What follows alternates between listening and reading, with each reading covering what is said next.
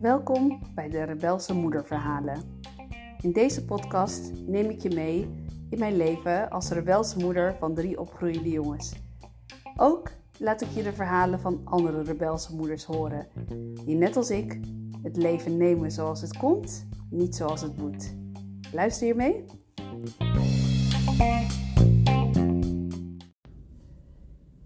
Ja, hier zijn we weer met een podcast eh, van de Rebelse Moederverhalen. En ik voelde me voor deze week echt een vet rebelse moeder. Eén, omdat ik helemaal geen podcast heb opgenomen. En twee, omdat ik het schoolwerk van mijn kids van de homeschooling totaal heb losgelaten. We zitten inmiddels uh, in de eerste week van januari. De week na de kerstvakantie vind ik sowieso altijd weer een week waar je even moet inkomen. Maar ja, nu gelijk homeschooling. En uh, ik was maandag heel um, uh, enthousiast begonnen om alles klaar te zetten met die kids. En erbij te gaan zitten. En na een halve dag dacht ik: oké, dit ga ik niet doen. Ik ga nu uh, het loslaten. En come on, ze zijn 12, 10 en 9. Good luck with it. Ik ben in de buurt als ze me nodig hebben. En uh, ik zag allemaal dingen voorbij komen in de groepsapp en in de uh, moeders, uh, andere moeder-app. En I don't know, ik werd er echt serieus helemaal niet goed van. Ik dacht, nou, dit gaat vast nog langer weer duren dan de twee weken die ze beloofd hadden van deze leuke lockdown. Maar ehm, ik heb daar en toen besloten, ik doe er niet aan mee. Ik, ga, uh, ik zorg dat ze ergens in kunnen. Ik zorg dat ze werk te doen, kunnen doen. Ik zorg dat ik ben om ze vragen te laten stellen. Maar dat is het. Ik ga niet de durf spelen. Ik ga niet naast ze zitten. Ik ga niet zeggen dat ze niet in de chat mogen om met hun vrienden te praten. Ik doe het gewoon lekker niet. Want ik ben een lekker rebels daarin. Nee, niet alleen daarom. Maar ik dacht, we moeten dit wel gewoon uh, met z'n allen kunnen dragen. En dat is misschien wel iets heel moois om wel eens vaker even te doen. Om zo eens even de balans op te maken van waar sta ik op dit moment? Uh, zit ik er lekker in? Uh, hoe ging deze week? Hoe ging dit jaar? Hoe ging dit uh, deze maand? wat voor jou werkt? Zelfs als een lijstje maken bijvoorbeeld voor wat je te doen hebt, mag je misschien ook al eens even achteraf kijken van, nou wat heb ik gedaan? En wat voelde, hoe voelde ik me daarbij? En um, klopte het voor mij dat ik het zo deed? Of moet het volgende keer anders? Want dat kan natuurlijk ook, hè, dat je dat ervan leert. En uh, wat ik altijd doe, zo in het begin van het jaar, ik doe het nooit in de eerste week van het jaar of de eerste paar dagen. Uh, echt een beetje het begin, na het eerste, einde van die eerste week. Dus dit weekend is mijn uh, schrijfweekend. Want ik schrijf een brief aan mezelf. En daarin schrijf ik helemaal wat ik uh, wil bereiken dit komende jaar. En wat ik uh, te doen heb dit komende jaar. En wat ik mag doen. En in dat schrijven is nul belemmering. Ik mag helemaal zijn wat ik, wie ik ben. Dat mag sowieso. Maar ook er zijn al mijn dromen mogen, mag ik benoemen. En alles wat ik uh, wil gaan doen en hoe ik het zie en hoe ik het voel, mag ik helemaal gaan opschrijven naar mezelf. En uh, ik vind het altijd zo heerlijk, want ik begin dan altijd heel klein en dan ga ik voelen, voelen, voelen. En het wordt steeds groter en groter en groter. En hoe verder ik daarin ga, hoe meer ik daar ook echt in geloof dat ik dat ga doen. En uh, door het op te schrijven maak je het ook echt en reëel. En uh, dan uh, mogen je dromen ook waar worden. Hè? Want als jij denkt van ja, nou ja, misschien zou ik het wel leuk vinden om een andere baan te krijgen aan het eind van het jaar. Maar ja, dat gaat toch niet lukken, want... Ne, ne, nou, je voelt de negativiteit eigenlijk al hè, daarin. Maar als je nou eens op gaat schrijven... Um, ik wil een nieuwe baan, maar eigenlijk ga je het tien keer zo groot maken. En doordat je het tien keer zo groot maakt, ga je het voelen. En je voelt dan helemaal hoe dat voelt om die nieuwe baan te hebben.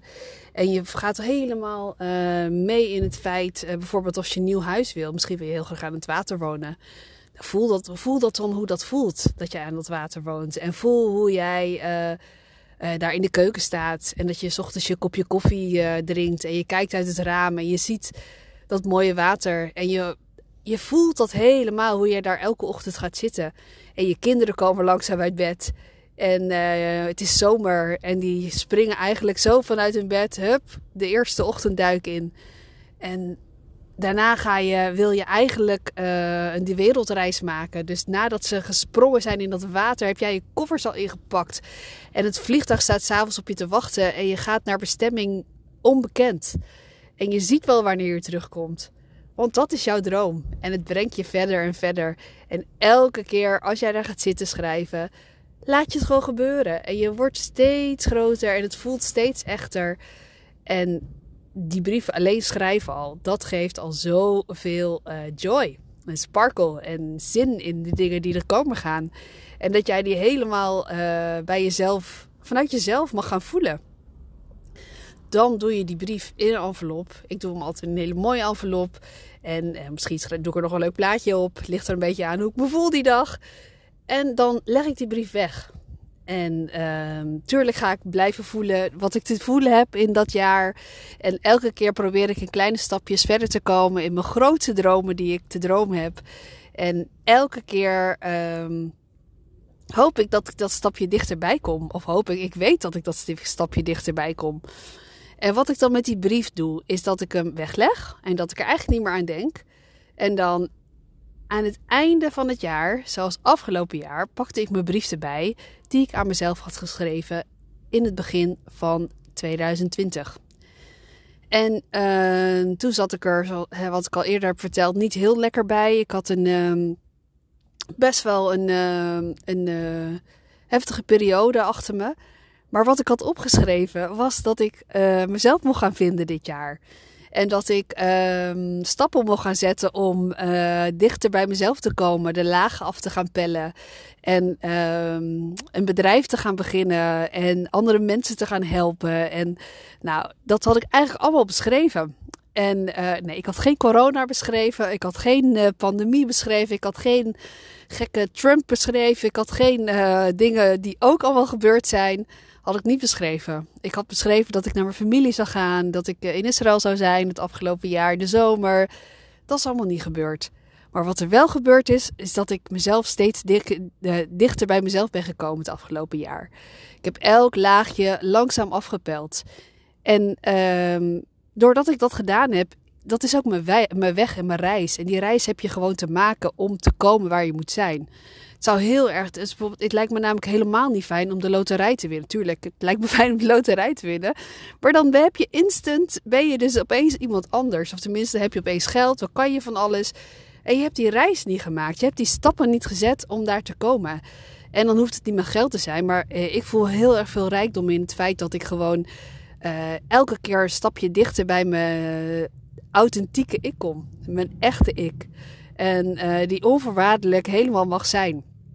En um, ja, dat betekent dat ik echt heel veel mensen ook kwijt ben geraakt het afgelopen jaar. Die mij niet meer begrijpen of die geen zin hebben in, uh, in afpellen van laagjes. En die lekker in het oppervlakte willen blijven leven. Dat is oké. En ik veroordeel niemand en ik uh, oordeel ook niet. Maar dan voel je dus dat je elkaar gaat verliezen op dat pad. En door los te laten komen er ook weer nieuwe mensen op je pad. Want dat heb ik het afgelopen jaar, dat stond ook in mijn brief, openstaan voor nieuwe vriendschappen en nieuwe contacten. En oh my god, dat is echt dit jaar zo gebeurd. Door steeds meer met gelijkgestemde mensen om te gaan. Door steeds meer me te laten inspireren door mensen die ik, uh, die waarbij, waar ik heel blij van word. En uh, om te bedenken hoe doen die mensen dat. En niet om te copy-pasten, maar wel om uh, me te laten inspireren. En door uh, die energie waar we dan met z'n allen in zitten, elkaar te upliften en elkaar, elkaar te brengen naar je hogere zelf naar, naar, of je hogere zijn. En naar al die mooie, mooie dingen die je samen mag beleven en elkaar elke keer ehm, zien. Ik denk dat dat het mooiste is. Dat ik nu met mensen omga die mij helemaal zien. Waarbij ik ook kan zeggen, joh, ik had met je afgesproken, maar ik heb er geen zin in. Want ik wil gewoon lekker onder mijn dekentje op de bank. En dat het dan helemaal oké is, omdat die ander jou gewoon helemaal begrijpt. En ja, dat is echt zoveel waard. En het is zo'n mooie weg. En ik ben zo dankbaar dat ik uh, die stappen mag zetten. Dat ik elke keer een stapje dichterbij kom bij uh, mijn echte ik. Bij mijn... Uh, authentieke Judith en uh, de moeder die ik wil zijn, uh, de vriendin die ik wil zijn. En gewoon echt al die, die mooie, of die, rot, die rotte laagjes van mezelf mag laten afglijden. En ja, daar ga ik heel ver in, in, de, in mijn stelligheid, dat ik gewoon sommige dingen gewoon niet meer doe.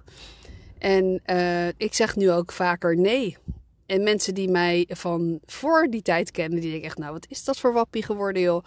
Die, uh, die is heel egoïstisch, noemen ze dat dan ook. Hè? Vooral, ik ben heel egoïstisch in die ogen van die mensen.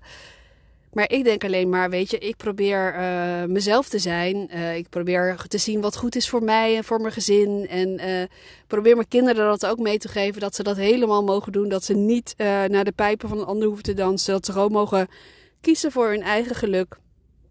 En um, dat dat niet egoïstisch is, maar dat dat gewoon heel realistisch is. En dat jij uh, door dat te doen uh, ook gaat uitstralen uh, wie je bent. En daardoor trek je ook de mensen aan die jou daar dus de ruimte voor geven om dat te kunnen en mogen doen. Nou, dat is zo bijzonder. Dus uh, ik ben heel benieuwd wat ik morgen aan mezelf ga schrijven. En uh, mocht jij nou denken, joh, ik wil heel graag ook zo'n brief schrijven, maar ik weet niet zo goed waar ik moet beginnen. Of welke vragen stel je dan aan jezelf? Hè? Ja, weet je, wie wil ik zijn? Wie, wat heb ik te zeggen? Wat, al dat soort mooie vragen. Mocht je, daar, mocht je dan denken, ik heb er hulp bij nodig, let me know. Ik, ik ik help je graag. En uh, zoek me eventjes op op uh, Insta.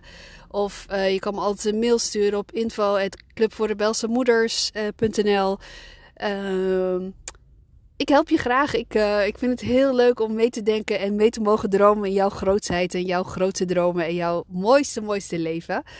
Dus weet me te vinden. Um, nou, ik zeg ik ga morgen lekker schrijven. Ik laat jullie weten hoe het proces gaat. En uh, ik ben heel benieuwd wat er dit jaar voor mij mag gebeuren. En wat ik, ik ben ik heb er onwijs veel zin in. Ik heb zoveel onwijs open en positieve en happy feelings nu al. Echt, ik heb er echt zo verschrikkelijk veel zin in. En, en laat maar komen dit jaar. En nou, ik hoop dat jij er ook zo lekker in staat. En hoop dat jij ook zo lekker zo groot aan dromen bent over al je dingen die je te doen hebt dit komende jaar. Ik spreek je snel weer.